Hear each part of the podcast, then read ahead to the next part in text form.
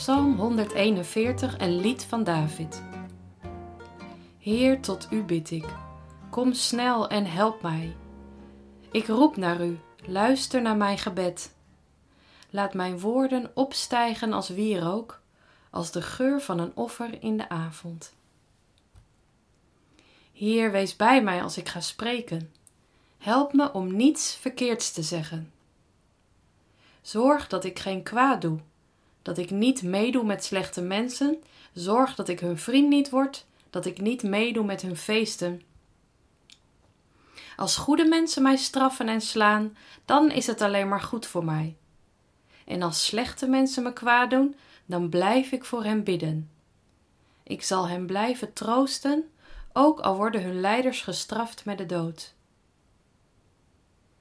Heer mijn God, er is niets meer over van uw volk. Wij zijn verspreid over de aarde, we sterven bijna. Maar ik kijk omhoog naar u. Ik zoek hulp bij u. Laat mij niet sterven.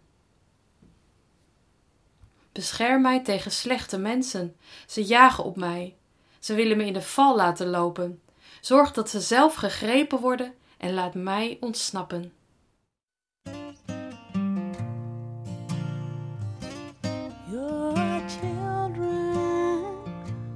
Not your children. They are the sons and daughters of life's longing for itself. They come through you, but they are not from you. And though they are with you, they belong not to you. You can give them your love,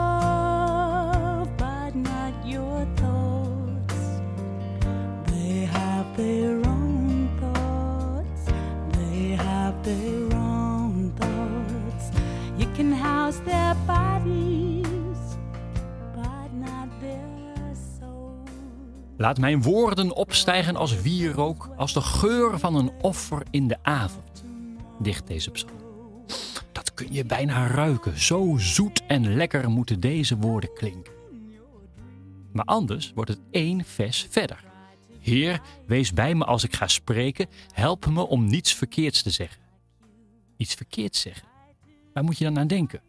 Roddelen, liegen, opscheppen, vloeken en schelden, geklaag. Die lijst begint aardig lang te worden. Daar kun je Gods hulp inderdaad wel bij gebruiken.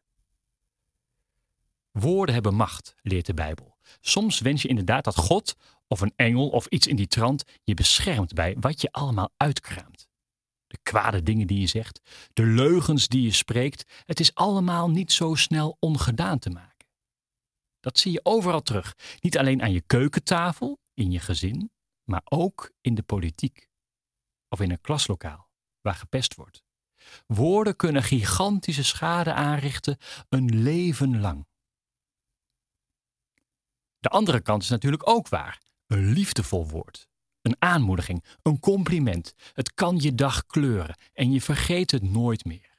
Dat is de kracht van woorden. Om een voorbeeld te stellen, wilde een rabbijn eens aan een leerling uitleggen wat de kracht is van roddelen over een ander.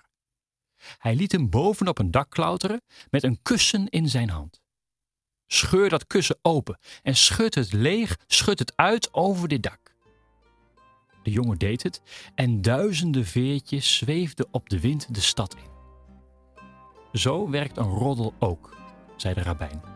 En pak nu een lege zak en ga alle veertjes weer oprapen.